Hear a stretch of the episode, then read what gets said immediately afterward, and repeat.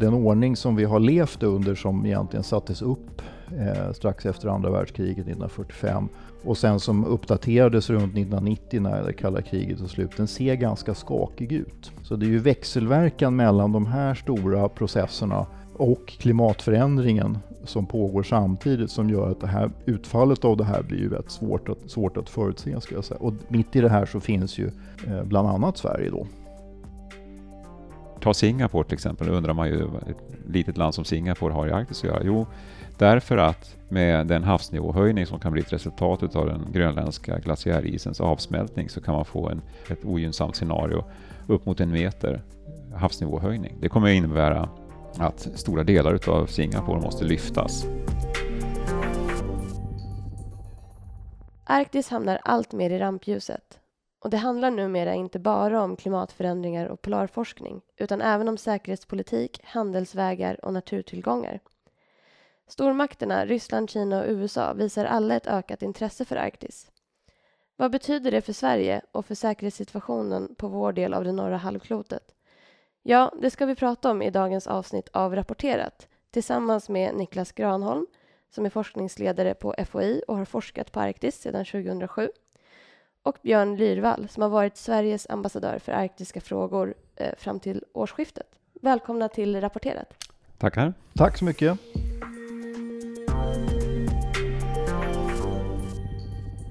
Björn, du har ju varit ambassadör för Arktisfrågorna nu i två och ett halvt år. Hur skulle du säga att Arktisfrågorna har utvecklats under din tid som ambassadör? Ja, jag kan börja med att säga att eh, när jag fick det här erbjudandet om att bli Arktisambassadör för två och ett halvt år sedan så, så sa mina tonårsdöttrar då eh, till mig att äntligen pappa ska du göra någonting meningsfullt.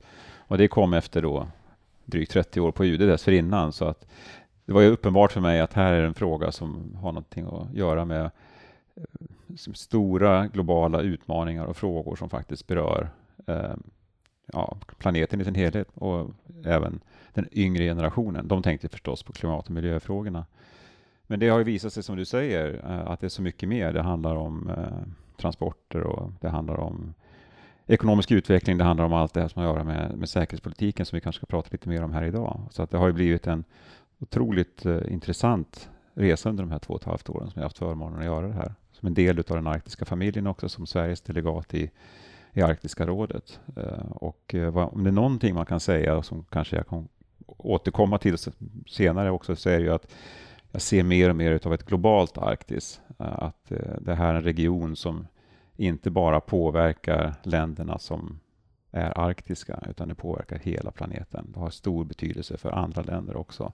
Och det ställer helt nya krav på internationellt samarbete, på engagemang, men också leder fram till en del ja, motsättningar ibland kanske och spänningar.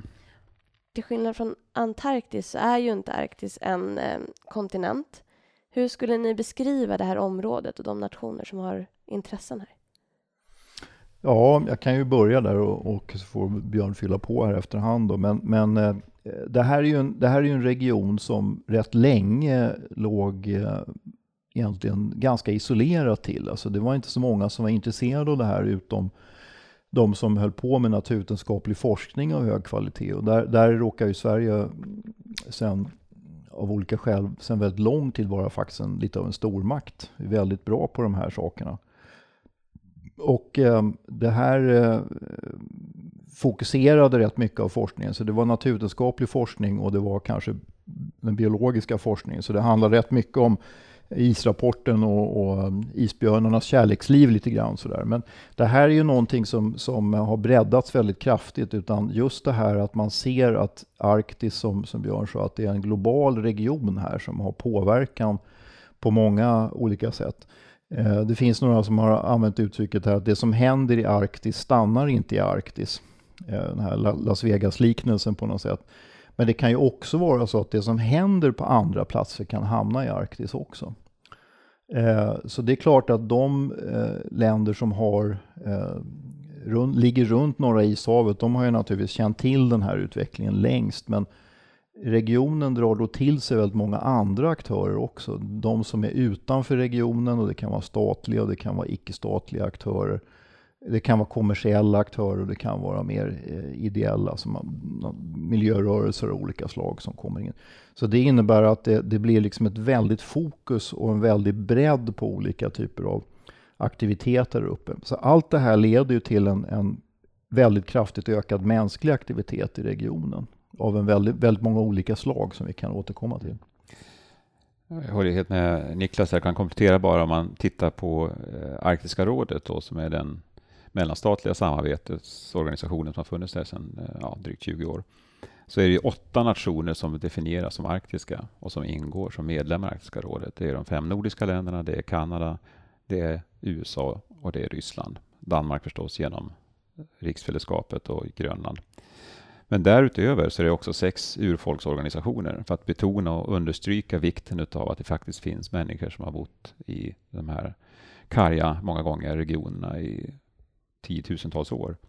Eh, och som också har en röst vid bordet i Arktiska rådet. Och bara för att illustrera det här med det globala Arktis, det är 39 observatörer i Arktiska rådet, varav 13 är nationalstater, alltifrån Kina, Sydkorea, Japan, Singapore, Indien, flera europeiska länder. Eh, och sen har vi då en organisation som EU som de facto fungerar som observatör också. Därtill kommer icke-statliga och statliga organisationer också av olika slag. Så att det är en, en, en illustration. Hela Arktiska rådet är en bra bild av hur den arktiska samverkan ser ut de här dagarna. Sen kanske man bara för ordnings skull ska lägga till lite formalia också. Det här är ju då en region som, som du sa, till skillnad mot Antarktis, inte är en egen kontinent. Det finns inget fördrag som styr hur situationen är i Arktis. Däremot så finns ju folkrätten där, inte minst UNCLOS, havsrättskonventionen, men även sådana fördrag som Spetsbergenfördraget som reglerar Svalbardhanteringen eh, som är viktiga dokument i sammanhanget. Eh, det är en region på vad är det, 21 miljoner kvadratkilometer ungefär, varav ungefär 8 miljoner är land och 12, drygt 12 är, är hav. Så att det är en, en, eh, en, relativt stor del av världen vi talar om här, men, eh, och som sagt som ådrar sig mycket större internationellt uppmärksamhet nu än vad den gjort bara för några år sedan. Ja, man kan, ju, man kan ju fylla på med det och säga att det är ju också så att klimatförändringarna, det är, ju, det är ju en del av det här som förändrar Arktis roll. Alltså det blir tillgängligt på ett annat sätt. Och eh, Eh, egentligen varje gång det kommer en ny sån här eh, prognos för hur is, snabbt isavsmältningen till, eh, till havs går och hur snabbt permafrosten till land ska smälta, så, så ser man att den här accelererar hela tiden. Det går fortare och fortare, det blir tidigare och tidigare. Och tidigare så pratade man om möjligheten av ett isfritt Arktis sommartid. Eh, kanske i slutet av det här århundradet. Det här ligger nu kanske i mitten av det här århundradet, eller ännu tidigare faktiskt. Tittar man på Arktiska rådets expertgrupper så har de prognoser som säger att det skulle kunna ske redan mot slutet av 2030. Ja, just det. Och eh, med den avsmältning som vi ser just nu, med den höga temperatur som vi har i Arktis så är det ju mm. mycket högre än globala genomsnittet så är det ju tyvärr en fullt möjlig mm. Eh, korrekt prognos ja. som de kommer med. Så det, det, det, ja, mm. det är alltså klimatförändringarna där, men sen så, eh, sen så vad, vad, får det för följder då? Alltså det här är ju en del av, Arktis är ju en väldigt viktig del i, man skulle kunna kalla det för, för den globala luftkonditioneringen. Alltså det, det kyler ner egentligen varm, eh, varmt havsvatten och i den här globala termohalina cirkulationen som finns då. Men om den här eh, nu inte finns på samma sätt, då kommer havsströmmarna att påverkas och det ändrar då havstemperaturer och det har att göra med fiske och eh, andra saker. Så att utfallet av det här, det kommer att bli väldigt svårt att, svårt att förutse. Eh, och det brukar ju de här naturvetenskaparna också säga att vi vet att det är mycket vi inte vet om hur Arktis faktiskt fungerar, speciellt som dynamiskt system här. Så det här är, det här är intressant. Det finns mycket att säga om det där. Man kan ju tala om forskningen då, behovet av ytterligare arktisk forskning och det är ju någonting som förenar också eh, många nationer, både arktiska nationer och andra utanför, att vi behöver ha mer kunskap helt enkelt. Det här är en region som eh, är oerhört svårtillgänglig. Eh, det är, eh, den är avlägsen, det är dyrt att ta sig upp i den här regionen. Det gör att klimatforskningen idag har stort behov av ytterligare information, mycket mera punkter, att, liksom, datapunkter. Eh, de måste, det måste till bättre resurser för att komma upp med isbrytare i den eh, centrala arktiska oceanen för, för att helt enkelt kunna samla in data och fakta som man ska kunna göra prognoser ifrån. Så att, men det där är, en, är nästan en, en, fråga för sig. Det är någonting som verkligen understryker behovet av internationellt samarbete. Får jag bara ta en sak till som jag gärna skulle vilja säga som man eh, kanske ibland eh, borde börja med när man talar om, om Arktis i Sverige. När vi pratar om de nationer som har intressen där, ska vi komma ihåg att Sverige är en arktisk nation. Det är någonting som jag tycker eh, är viktigt att ta med sig. Vi har eh, territorium norr om polcirkeln. Vi har två stycken nordliga län i Sverige, Västerbotten och Norrbotten, som är definierade som arktiska län i Sverige. Och det här är viktigt att ta med sig, för ibland så finns det en slags resonemang omkring Arktis som att det är en plats som ligger någon annanstans utanför Sverige. Man talar om de vita vidderna, eh, isen, isbjörnarna, allt det som finns där borta i centrala Arktiska oceanen, på Svalbard och var de var någonstans. Men vi har vår egen arktiska region i Sverige, i synnerhet den nordligaste delen av landet. Och eh, det är någonting som vi ska betänka. Det har eh, implikationer också vad gäller vår roll som en aktör i det här internationella spelet. Men det är allt för ofta någonting som glöms bort i den svenska kontexten tycker jag. Mm, mm.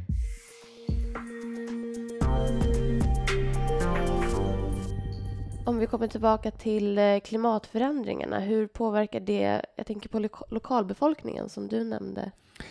Ja, alltså det är ju, det första man kanske ska säga det är ju att eh, det finns eh, stora urfolksgrupper som bor uppe i den arktiska regionen, väldigt många olika grupper som då också finns flera av dem representerade i Arktiska rådet. Men det är också väldigt många människor som inte hör till urfolksgrupperna som är boende i Arktis. Jag skulle säga i det svenska fallet så är det väl ungefär en tiondel som är samer och resten av de som bor uppe i den arktiska regionen i Sverige är, är inte då eh, urfolk. Men eh, det är klart att urfolksnäringarna påverkas ju väldigt mycket av avsmältningen av isen. Det skapar och, och den varma, det varmare klimatet, den förändrade väderleken som en följd av det eh, får stora effekter, inte minst för rennäringen om man tar det mest näraliggande fallet i vår egen del av Arktis. Och som verkligen ställer frågan på sin spets om, om möjligheten på lång sikt för de här näringarna att överleva. Eh, det är motsvarande situationer som man också kan möta i andra delar av Arktis med eh, vissa samhällen och vissa urfolk som helt och hållet eh, baserar sitt liv på att de har närheten till valross eller vad det nu kan vara för annan eh, djur som man jagar. Eh, fisket som har ändrats när nya invasiva arter kommer och tränger undan det traditionella fisket som man har haft förut. Det är allvarliga och kanske ibland helt eh, avgörande förändringar som kan komma att bli mm. fallet utav det här. Och sen är det ju precis som du säger att det finns ju också, det här ligger inte i någon dimmig avlägsen framtid utan det här, de här sakerna de kan man redan se redan nu början på. Och eh, en del av det här är ju uppenbart då att havsisen smälter men, men det påverkar också det som vi inledde med att säga om permafrosten, att den smälter ju också. Väldigt mycket av mänsklig aktivitet är baserat på att permafrosten finns där. Alltså det är kontinuerligt året runt fruset väldigt djupt ner, så man kan röra sig över de här vidderna. Man har byggt infrastruktur, mycket av infrastrukturen då som inte kanske urbefolkningarna är så mycket om, men den, den eh, behöver då ersättas eller kommer inte att fungera helt enkelt om ett tag i det här fallet. Och så sen, hur påverkar sen, det geopolitiken? Ja, om det blir andra sätt att röra sig? Ja, precis. Alltså, eh, om det är så då att, att isen fortsätter att smälta av, ja då är det ju sjöfarten då som kan få nya farleder öppnas. Man brukar ju prata om, om tre huvudsakliga farleder och det är dels Nordostpassagen som man kan säga börjar vid Nordkap, alltså nord, nord, nordligaste delen av, av Skandinavien och som går ut med den ryska sibiriska kusten och mynnar ut i Beringsund och fortsätter in i Stilla havet. Och sen på andra sidan så ligger ju då nordvästpassagen, alltså väster om Grönland, genom den kanadensiska övärlden och sen så norr om Alaska, Beringsund. Och sen finns det då en tredje som inte pratas så mycket om och det är ehm, eh, polarrutten som går rakt över, alltså egentligen en stor cirkel som går rakt igenom Nordpolen. Men där måste mer is ha smält av innan detta, detta kommer att öppnas. Och de öppnas i olika takt de här.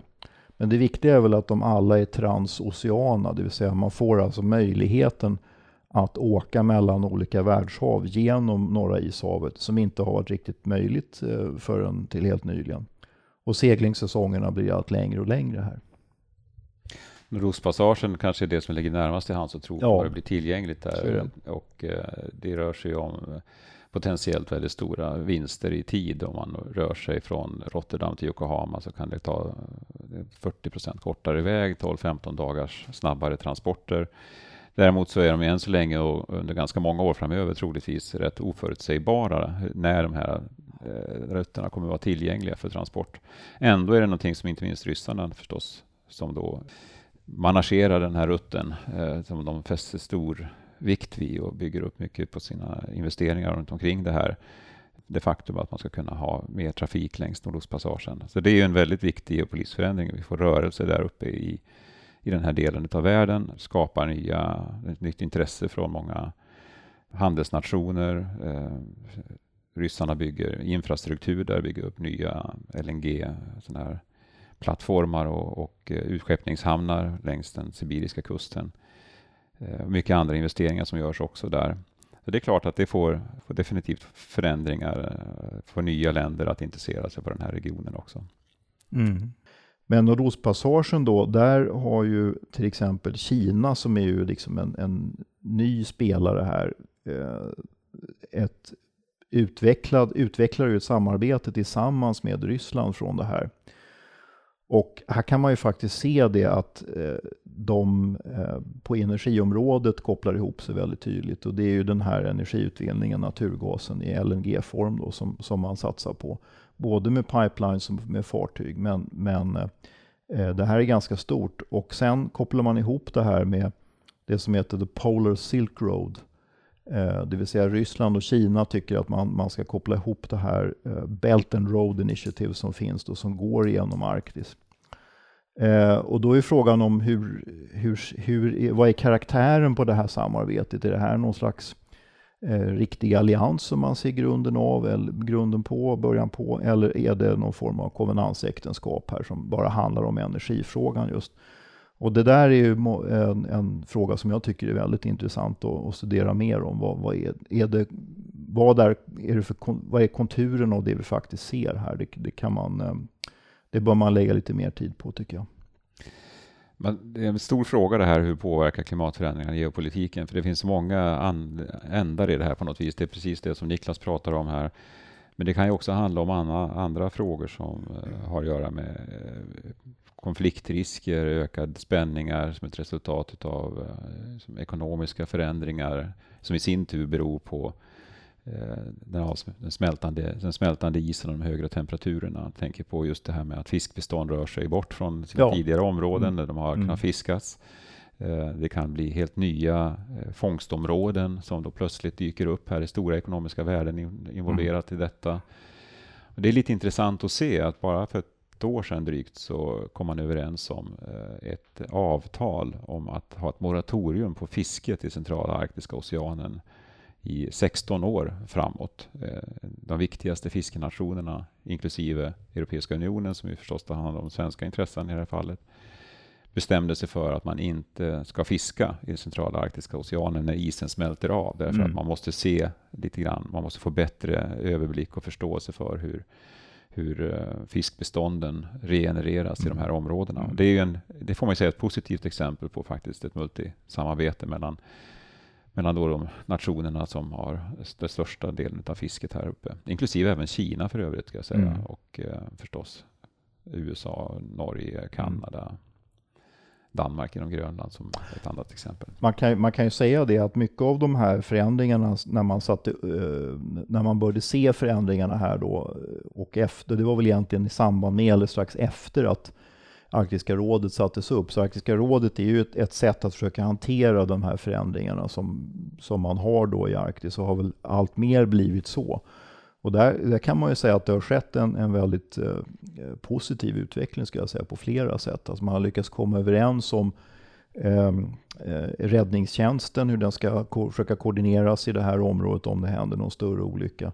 Det är, det är också oljespillsskyddsavtalet eh, som man kommit överens om. Och det skedde ju under, under svenska ordförandeskapet faktiskt.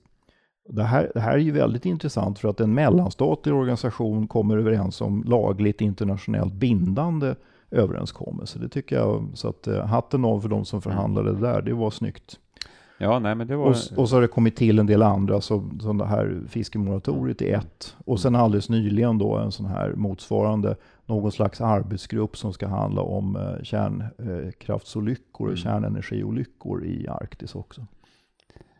Nej, absolut. Det, det finns ett, en rad positiva eh, aspekter på hur det här internationella samarbetet runt omkring Arktis faktiskt har utvecklats under de senaste åren. Eh, det är ju viktigt att ta med sig som en slags bakgrundsbild när man ska tala kanske om de nya spänningar som också uppstår i den här mm. regionen. Mm.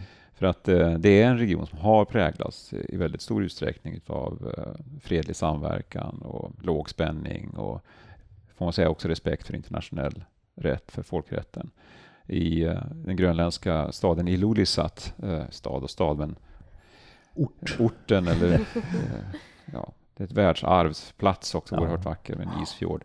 Där samlades de fem kuststaterna till Arktis. Det är USA, Ryssland, Danmark genom Grönland, eh, Norge eh, för, och Kanada för eh, drygt tio år sedan, 2008 och kom överens om att man skulle lösa alla konflikter i det här området med fredliga medel och med respekt för folkrätten. Och det där har väglett, kan man säga, då, samarbetet under många år. Och vi har också som eh, de övriga tre nationerna, Island, Finland och Sverige, som också är arktiska nationer, har då, kan man säga, också eh, anslutit sig till den här samarbetssynen eh, under de senaste åren. Vi hade en uppmärksammade det här fördraget eller överenskommelsen eh, här i fjol. Så att det, det här är liksom bakgrunden, gott samarbete, men det är mm. klart att det finns spänningar att prata om i dagsläget som mm. har dykt upp. Ja. Stormakterna Kina, Ryssland och USA eh, har ju alla ökat sitt intresse för Arktis. Har de olika syn på Arktis eller är det samma drivkrafter som ligger bakom det här ökade intresset? Ja, alltså jag kan, jag kan ju börja där, men, men jag skulle säga att de är ju sinsemellan väldigt olika i det att de, de har ju en, eh, helt olika samhällssystem, rätt olika sätt att fatta beslut på kan man ju säga då. USA som demokrati och, och Ryssland som en, eh, en auktoritär inrikespolitik och, och eh, ganska hård eh, offensiv utrikespolitik. Och Kina som, som egentligen är en eh, närmast totalitär stat i många avseenden. Och det här är, präglar ju deras eh, syn på Arktis. Och sen är det geografin. Alltså, Ryssland är ju den stat som har längst del av den arktiska kustlinjen. Nästan hälften skulle jag säga. Och eh, man har varit där mycket länge också, så det här går ju tillbaka till eh, eh, Peter den stores dagar i början på 1700-talet. Och det är då man börjar se den här nordliga riktningen tydligt och börjar utveckla den. Så att det är ju ingen brist på, på kunnande och know-how i Ryssland om den här regionen, hur den fungerar och, och, systemen är väl utbyggda för det här. Man har gott om infrastruktur och resurser. Um, inte minst världens största isbrytarflotta kan man säga finns ju, finns ju också i, i rysk, eh, under ryskt befäl. Så att där finns en väldigt tydlig del då. Eh, för USA så är det ju Alaska som definierar egentligen mycket av att man faktiskt är eh, en arktisk eh, nation. Men förutom det så är USA också en global världsmakt. Så att alla saker som händer runt om globalt är intressant, så också i Arktis. Eh, och eh, när den här stora förändringen började synas i klimatförändringen så är det ju Ryssland som reagerar först på den här kan man säga. Man sätter upp nya strategier för sjöfart och energi och säkerhet. Eh, och eh, det, de är ännu gällande, jag tror de gäller fram till och med nästa år faktiskt. Och sen, eh, sen får vi se vad som händer. Sen om de inte uppfylls till 100% är en sak, men, men eh, man jobbar i den riktningen och de är koordinerade på olika sätt. Eh, sen så kan man se då att eh, USA upptäckte det här eh, och eh, det har varit ganska svårt. Det har, det har klättrat på dagordningen kan man säga, men det ligger ju inte högst på den amerikanska dagordningen. Och Björn, du var ju, var ju också Sveriges ambassadör till Washington, så du såg ju en del av det här och har ju god insikt i detta. Men jag, jag, upplevde att under de senaste tio åren så har frågan i alla fall runt Arktis klättrat. Kunskapen har byggts upp. Eh, man har givit direktiv åt de, de, eh, federala myndigheterna att faktiskt tänka igenom vad det här innebär, den här förändringen innebär. Och väldigt många av de think tanks och analytikersammanhang eh, som finns, de har någon form av Arktisprogram eller Arktisprojekt gående med olika, olika vinklar. Så att debatten och diskussionen om den här, den är ju mycket mer välinformerad än vad den var för tio år sedan.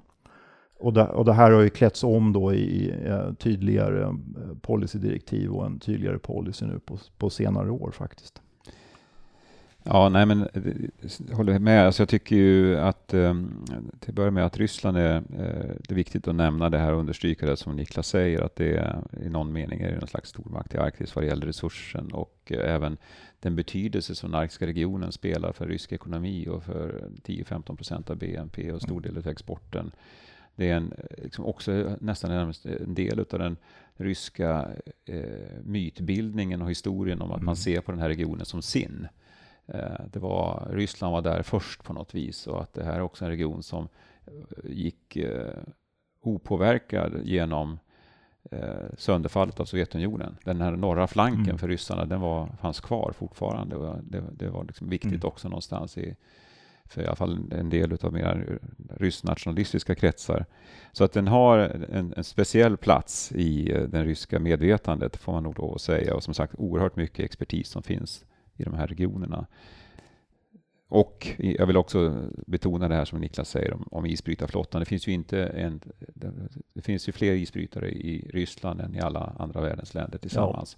Ja, eh, och de bygger nya och man har atomisbrytare. Och det är ju maktprojektion det här handlar om mm. också. De, mm. Ryssarna kan röra sig praktiskt taget vart de vill i, eh, i eh, den arktiska regionen. De kan gå upp till Nordpolen med sina atomdrivna isbrytare. Det är egentligen bara egentligen bara Sverige genom vår isbrytare Oden som en konventionell mm. isbrytare som kan ta sig upp dit. Sen finns det också ett tyskt forskningsisbrytare som kan göra samma sak. Mm. Men det är, en, det är en, eh, väldigt få som har den här kapaciteten i övrigt.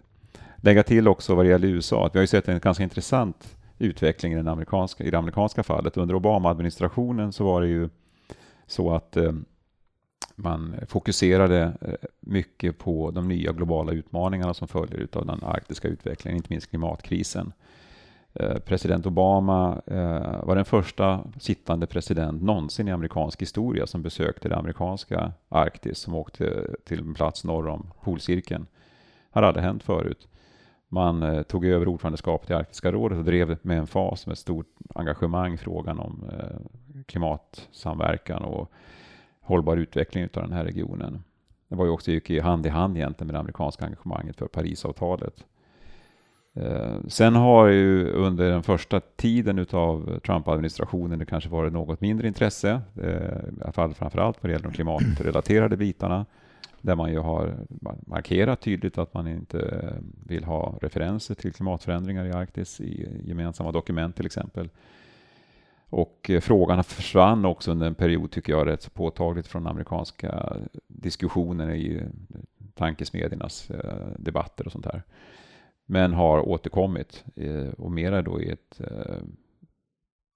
slags diskurs som handlar om säkerhetsutvecklingen i den här regionen och att det är en flank, en nordlig flank där Ryssland och och inte minst eh, tycker man då Kina har börjat eh, visa sig mer och mer och där USA måste finnas med och sen så har, man då liksom börjat tala om, det har skapat en, liksom en större polarisering om vad gäller synen på utvecklingen i den här regionen. Så att det, det är vad vi lever med nu, ett, ett växande amerikanskt intresse som framför allt är starkt eh, fokuserat på de säkerhetspolitiska utmaningarna. De har, ju, de har ju också gjort andra saker. Att, att, eh, jag, jag har ju alltid pratat om det här att den amerikanska isbrytarflottan tilläts ju gå ner i, den, den underhölls inte riktigt och man, man eh, byggde inte nya här. Men nu har man faktiskt bestämt sig mm. nyligen för att göra det. Så man bygger två nya klasser av, av isbrytare, sex stycken ska det bli totalt. Det här tar ju tid naturligtvis, men man är alltså beredd att lägga, lägga medel bakom det här och då har ju någonting hänt. Mm. Och sen så har man då sett ett antal linjetal och eh, när det gäller eh, säkerhetspolitiska utvecklingar och försvarspolitiska utvecklingar så har man ju satt upp, eh, åter satt upp eh, Atlantflottan som ju har uppgifter också i Arktis och Nordatlanten. Och den var ju borta under ett antal år. Men sen är ju frågan naturligtvis hur den här kommer att resurssättas. Det här blir en intressant fråga att följa. Och sen var det väl inte minst då eh, eh, utrikesminister Pompeos tal i, i, eh, i samband med Arktiska rådets toppmöte i Rovaniemi i maj. Som ju var, la ut mycket av vad man tänker sig i den här riktningen. Och det är precis som du sa Björn, att det är, vi kan inte, vi förstår, we're too big not to care. Vi mm. kan inte lämna det här åt Ryssland och Kina. Mm. Så att vi måste agera tydligare här. Nu har vi pratat mycket om Ryssland och och eh, USA, men jag tänker på Kina. De satte ju sin Arktisstrategi 2018. Vad vet vi om Kinas intentioner utifrån den här strategin? Ja, alltså helt korta ordalag, om man läser strategin så får man ju en bild av det kinesiska intresset för den här regionen. Det finns eh, eh, egentligen fyra eh, buzzwords som man använder sig. Det är understand, protect, develop och participate in governance. Det är de fyra områdena som den här strategin täcker. Det finns ordet militär eller säkerhet, tror jag inte nämns en enda gång i hela dokumentet.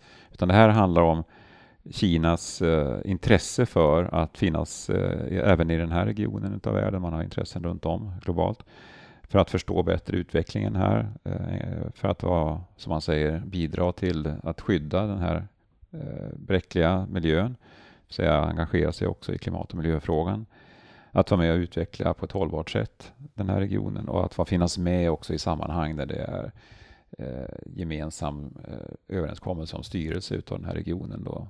Eh, Kina som sagt en av observatörerna i Arktiska rådet. Man beskriver sig själv som en near Arctic state med någon slags föreställning om att eh, det skulle ge ytterligare eh, skäl till att se man Kina som en, en aktör här.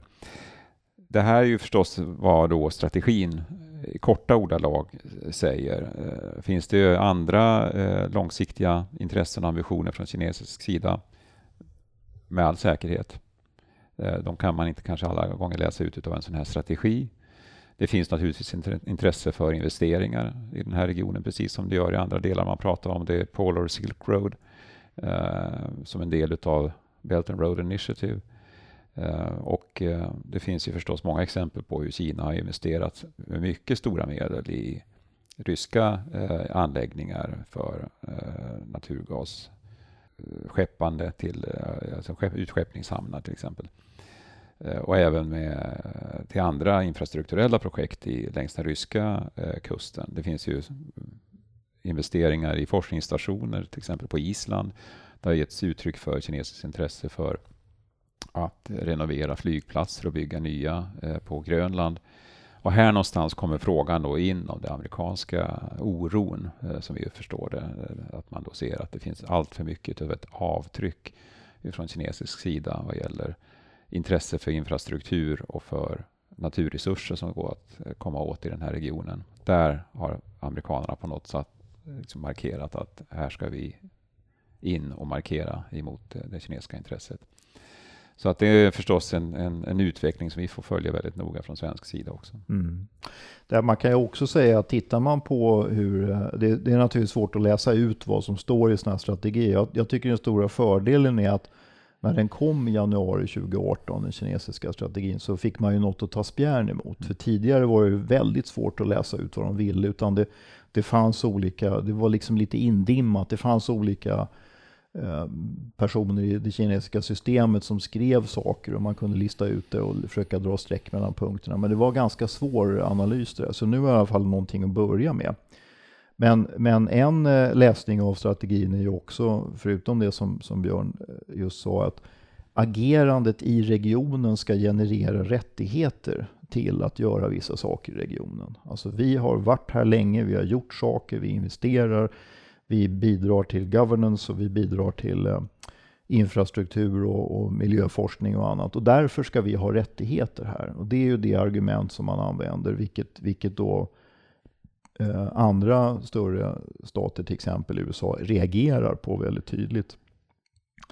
Eh, och sen kan man då också dra, eh, jämföra det här med hur Kina agerar gentemot små stater i Stilla havsregionen och i Afrika. Och där finns det ju också då att man, man går in med, med eh, infra, stöd med utbyggnad av infrastruktur mot rättigheter att få, få utvinna naturresurser och på olika sätt. Så att här kan man se att det kanske är en kinesisk Afrikastrategi som är anpassad till Arktis som vi kan se konturen av. Och det här är väl en del av svaret på varför USA reagerar så, så tydligt på de här sakerna. Eh, och det här ju, har ju implikationer för, även för oss själva. Vi har varit, eh, det har varit en del påstötningar mot oss själva också. Eh, hamn i Lysekil, stor hamn på nordöstra eh, Island, det var Grönland nämnde du, det har varit liknande i Norge också. Mm. Och nu har vi ju senast också frågan om 5G-system eh, på Färöarna som har återdragits en hel del uppmärksamhet. Så att här, här finns liksom en, en eh, konturen i alla fall av, av, ett agerande som är ganska, ganska tydligt tycker jag. Får man kompl komplicera bilden ändå ja, lite grann? För, för, att menar, det, det är som du säger, naturligtvis. Och, eh, men det är också så att att eh, som vi inledde med att tala om så är det ett globalt Arktis med påverkan på hela jorden. Ja. Det, finns, eh, det finns ju ett begripligt också intresse från länder utanför den arktiska regionen att finnas på plats eh, och forska till exempel uppe i Arktis och bidra med sina resurser till det. Kina har precis sjösatt eh, sin eh, andra eh, forskningsisbrytare. Den första hade man köpt in, eh, ett gammalt ukrainskt fartyg, men nu har man byggt en egen en egen väldigt state of the art eh, isbrytare som ska kunna användas i polartrakterna för forskning. Det har man gjort och rör sig där uppe, eh, insamlar data som också kommer till nytta för den liksom, globala klimatforskningen. Klart att forska, det man forskar på, det man tar med sig hem kan ju ha andra målgrupper i det kinesiska systemet, men det också, används också i internationell eh, forskning. Vi har ett ganska nära forskningssamarbete mellan flera nordiska länder och, eh, och eh, kinesisk polarforskning, till exempel i något som kallas för CNARC, the Chinese Nordic Arctic Research Center, som är ett samarbete mellan kinesiska polarforskare och nordiska universitet. De har träffats varje, varje år, antingen i Kina eller i något av de nordiska universiteten för att diskutera hur man ska kunna fördjupa det här samarbetet. Så det finns också, det finns ju, man tittar på varför är de här länderna intresserade av ett Eh, observatörskap i Arktiska rådet? Jo, därför att kunskapen om vad som sker i Arktis kan få direkta implikationer för deras egna länder. Ta Singapore till exempel, då undrar man ju vad ett mm. litet land som Singapore har i Arktis att göra. Jo, därför att med den havsnivåhöjning som kan bli ett resultat av den grönländska glaciärisens avsmältning så kan man få en, mot slutet av seklet med ett ogynnsamt scenario, upp mot en meter havsnivåhöjning. Det kommer att innebära att stora delar av Singapore måste lyftas. Man kan mm. tänka sig själv vilka infrastrukturella kostnader det här rör sig om. Och det är ett utvecklat land som Singapore. I andra delar av Sydostasien kan det bli katastrofala följder av sådana höga havsnivåhöjningar. Det kan även drabba städer som Shanghai, kommer att göra ja. naturligtvis. Ja. Och det kommer att få stora, stora implikationer också för folkförflyttningar, för eh, liksom, stora kostnader vad det gäller att eh, se efter och försöka hantera de här den här utvecklingen. Så det finns, det finns en begripligt intresse från länder långt bort ifrån att också finnas på plats i den arktiska regionen. Länder långt bort har ett stort intresse, men hur påverkar Sverige? Alltså det är ju eh, det är inte så att vi är eh, bort, fråntagna eh, påverkan av klimatförändringarna i det här i vårt eget land heller. Vi kan ju titta på forskningsstationen som vi har uppe i Abisko till exempel, en av de mest framstående forskningsstationerna norr om polcirkeln som finns med de längsta mätserierna vad det gäller klimatförändringar till exempel, som står under Polarforskningssekretariatets ledning. Eh, där visar det sig att det är stor förändring utav hur eh, liksom de här miljöerna förändras från att ha varit arktiska till mera subarktiska regioner, växtlighet som rör sig, fjällen växer igen, Eh, när trädgränsen klättrar högre upp. Den permafrost som faktiskt finns i de nordliga delarna ja. av Sverige håller på att smälta av. Mm. Eh, det blir en, en, indikation på vad som kan hända också i andra delar av den arktiska regionen. Vi ser skogsbränder norr om polcirkeln i Sverige bara för ett år sedan. Mm. En uh, ganska otänkbar utveckling bara för några år sedan, men som vi då kan förknippa med de höjda temperaturerna i den här regionen. Uh, vi ser, som jag var inne på förut, påverkan på uh, renskötsel och, och urfolksnäringarna. fisket förändras. Den typen av händelser också. Vi ser påverkan på vad gäller eh, infrastruktur som bygger på att det fryser på vintern. Eh, att man kan röra sig snabbare och lättare genom eh, att ha vägar över frusna vattendrag och så vidare. Så det, det finns liksom direkt påverkan även på den svenska miljön. Och geopolitiska och säkerhetspolitiska förändringar, hur påverkar de Sverige? Ja, jag kan ju börja då, men, men eh, ovanpå det här så det är ju naturligtvis en väldigt komplex växelverkan här, men Tittar man sig runt omkring, förutom Arktis, så är det ju en global eh, geostrategisk förändring som pågår där man kan se en, en relativ omfördelning av makt och resurser för inflytande och påverkan i, i systemet här. Eh, vi har nämnt Kinas, eh, Kina här och Kinas makttillväxt som nu har, tycker sig ha intressen i, i Arktis. Eh, det är vilken roll USA fortsatt vill spela i världen som, som upprätthållare av det här systemet. Vilken väg går EU egentligen eh, med Brexit och inre utveckling. Men man kan säga också att den, den ordning som vi har levt under som egentligen sattes upp eh, strax efter andra världskriget 1945 och sen som uppdaterades runt 1990 när det kalla kriget tog slut, den ser ganska skakig ut. Så det är ju växelverkan mellan de här stora processerna och klimatförändringen som pågår samtidigt som gör att det här utfallet av det här blir ju rätt svårt att, svårt att förutse. Ska jag säga. Och mitt i det här så finns ju ehm, eh, bland annat Sverige då för, den här, för de här sakerna. Man kan ju säga där att vi eh, arbetar just nu med en eh, uppdatering av den svenska arktiska strategin från 2011 som kom till i en väldigt annorlunda säkerhetspolitisk kontext egentligen. Det var mm. precis då man talade om en reset mellan Ryssland och ja. USA. Och de säkerhetspolitiska eh, motsättningarna och konflikterna var inte alls lika uttalade som de är idag. Eh, och det där blir en, en viktig fråga för oss att titta på. Vi kan inte kanske föregripa vad som kan komma upp i den här eh, strategin i det arbete vi gör där. Men det är definitivt en fråga som behöver belysas. Hur påverkar den säkerhetspolitiska förändringen också Sverige? Ehm, jag kan notera det att försvarsberedningen i sin rapport i våras gjorde en eh, speciell eh, utvikning och ett avsnitt som handlade om den arktiska situationen. Där man konstaterade att eh, eh Nordkalotten, Barents hav, Norska havet och norra delen av Nordatlanten var att eh, se som det, omedelbara geografiska närområdet till Sverige på samma sätt som Östersjön var det. Mm. Det är en intressant observation att man gör den, eh, liksom ska, bygger upp den mentala bilden utav mm. vad, är, vad är Sveriges närområde. Mm. Dels att vi är en arktisk nation, dels att vi har den här, eh, de här regionerna som är en del av vårt närområde. Vad får det för implikationer för, för också vår eh, utveckling av vår, vårt försvar och vår säkerhetspolitiska ja. linje? Alltså man, man, man, man säger ju också på, i den här mycket intressanta utvikningen som, som man gjorde i försvarsberedningen, att man säger att man observerar också stormaktskonkurrensen i Arktis, att intressen står mot varandra, tror jag var formuleringen de använde. Och så säger man ju faktiskt också att vi har nog inte riktigt tagit den här utvecklingen på allvar hittills. Vi har försummat den, jag tror faktiskt det är ordet de använder. Att, så att det här pekar ju i en viss riktning att man behöver göra en, en uppdatering här då. Som du säger, strategin från 20, eh, 2011 eh, var ju en, en startpunkt här. Men den innehöll ju faktiskt inte några försvars och säkerhetspolitiska aspekter just för den här ganska positiva utvecklingen som man såg. Eh, och här är det ju väldigt tydligt att, att det som ligger i vårt närområde är då Ryss, utvecklingen i Ryssland. Och eh, man kan inte bortse från den hårda militära säkerheten som är en utveckling. Det är en central del i de här nya, nya förutsättningarna som vi har på Nordkalotten. Och här spelar ju då eh, framförallt Nordkalotten och Kola-baskomplexet på Kolahalvön en väldigt stor roll för Ryssland. Det är, det är alltså hemmabasen för de strategiska kärnvapenbärande ubåtarna.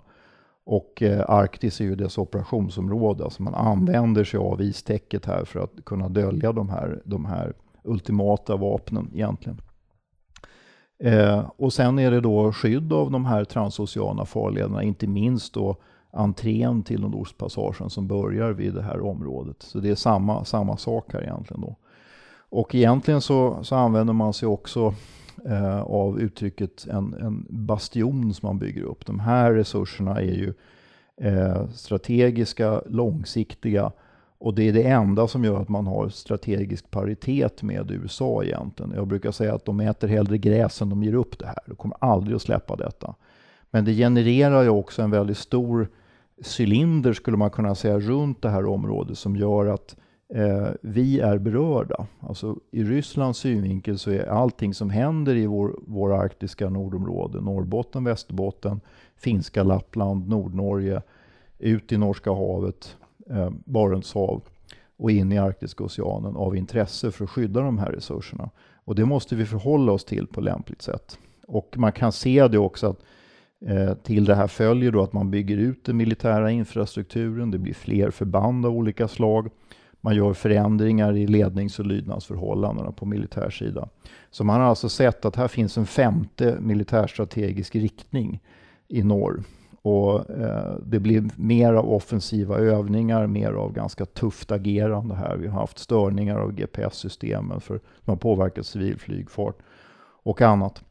Eh, det här ger också en möjlighet som vi behöver fundera på. Det, det, är alltså det exempel på att det som händer i Arktis stannar inte i Arktis. Det ger alltså en möjlighet till militär maktprojektion med sjöstridskrafter och flygstridskrafter ner i Nordatlanten. Eh, och då är vi tillbaka till någonting som börjar likna lite grann hur det såg ut på 1980-talet här. Att man hade alltså en konfrontation som var militär, marinstrategisk främst i Nordatlanten. Om de transatlantiska förbindelserna skulle hotas och eller om vi skulle få då våra eh, telekommunikationskablar eh, satta eh, under risk på något sätt här. Så här finns det alltså stora, stora förändringar som pågår. Så det, det finns alltså, eh, lite drastiskt skulle man kunna säga att det är en slags högerkrok som kommer nerifrån i det här avseendet. Eh, och det måste vi också förhålla oss till på olika sätt. Så det, det är alltså en sammanhängande stor region här. Det rör, berör både Sverige, Finland och Norge plus andra länder i, i regionen också. Eh, vi kan också titta på någonting som har att göra med Eh, att eh, det kan vara så att vi får förändrade suveränitetsförhållanden i regionen också. Alltså vi har ju haft en, en utveckling där en diskussion om en eh, självständighet för Grönland från Danmark. Alltså de har ju ett, ett ganska långtgående självstyre sedan 2009. Men full självständighet skulle kunna vara någonting som ligger i korten. Eh, och det här säger man ju då tidigare från Köpenhamn att det här är någonting som eh, vi kan tänka oss, men då, kommer vi, då måste ni betala själva och då måste man få loss den, de pengar som, som krävs för att driva Grönland. Och de har inte Grönland än. Men om då eh, ekonomin skulle kunna utvecklas till följd av klimatförändringar så att man får loss de här pengarna, då skulle det kunna bli så att man faktiskt eh, blir självständig. Men hur kommer Grönland att klara sig då? Och sen har vi då liknande processer under lite andra förutsättningar i Färöarna kanske i Skottland som en följd av Brexit också. Och sen har man ett specialfall som är Nordirland som ligger här också. Då. Eh, och eh, Eh, här är det frågan om, skulle det kunna bli en, en, en eh, process mot återförening till Irland eller vill man vara kvar här på olika sätt? Så hur kommer då de här aktörerna i och utanför Arktis att söka påverka? Och Grönland och eh, den diskussionen såg vi ju tidigare också. Så att det är både då en form av påverkansprocess som pågår här, kanske helt orelaterat till Arktis, men som kommer delvis från Arktis, ligger i Arktis. Och så samtidigt den här militärstrategiska förändringen. Så att jag tycker att de här västra närområdena, de, de är faktiskt eh, mycket intressanta för oss att studera. Och just att försvarsberedningen säger att de här är lika viktiga som alla andra. Jag tror att det är viktigt att eh, återigen eh, inrama det som Niklas just säger här om den säkerhetspolitiska utvecklingen med det andra perspektivet som pa pa existerar parallellt, nämligen att det fortfarande finns ett väldigt konstruktivt eh, mm. samarbete mellan de olika arktiska nationerna och med även, skulle jag vilja säga, de uh, arktiska observatörerna uh, de länder som då uh, ligger utanför den här regionen. Och det är delvis därför att man förenas av en, en insikt att det som händer i Arktis kan få väldigt stor global mm. påverkan. Det är en eh, dramatisk förändring som vi, som vi bevittnar och som vi alla kan observera här i den här regionen och kommer att se mer utav dessvärre. Jag tror att ingen som lyssnar på det här programmet kommer att vara i livet för att se en förändring till det bättre. Det kommer att vara ett annat Arktis som möter oss alldeles obe, oberoende av om vi skulle ha möjlighet att leva upp till en och en halv graders rapporten eller Parisavtalet, vilket ju verkar ganska avlägset dessa dagar att tro att det kommer att ske. Mm. Mm. Det kommer att vara en väldigt annorlunda miljö eh, i den här nordliga delen av världen som kommer också ställa enormt stora krav på anpassning, resiliens i samhällen eh, för att kunna bemöta och hantera den nya situationen som uppstår eh, och som man kommer att eh, konfronteras med. Så att det är en, det är en region som definitivt kommer att finnas fortsatt i i ljuset och i, eh, måste få mer uppmärksamhet, måste få mer resurser när det gäller forskningen inte minst, eh, än vad den har idag. Det tycker jag är viktigt att understryka mm. så här avslutningsvis också. Mm. Och med det så avrundar vi dagens avsnitt av Rapporterat som har handlat om utvecklingen i Arktis. Vi kommer publicera lästips som, från Björn och från Niklas på vår hemsida foi.se podcast. Stort tack till Björn och Niklas för att ni ville gästa Rapporterat. Tack så mycket. Tack så mycket.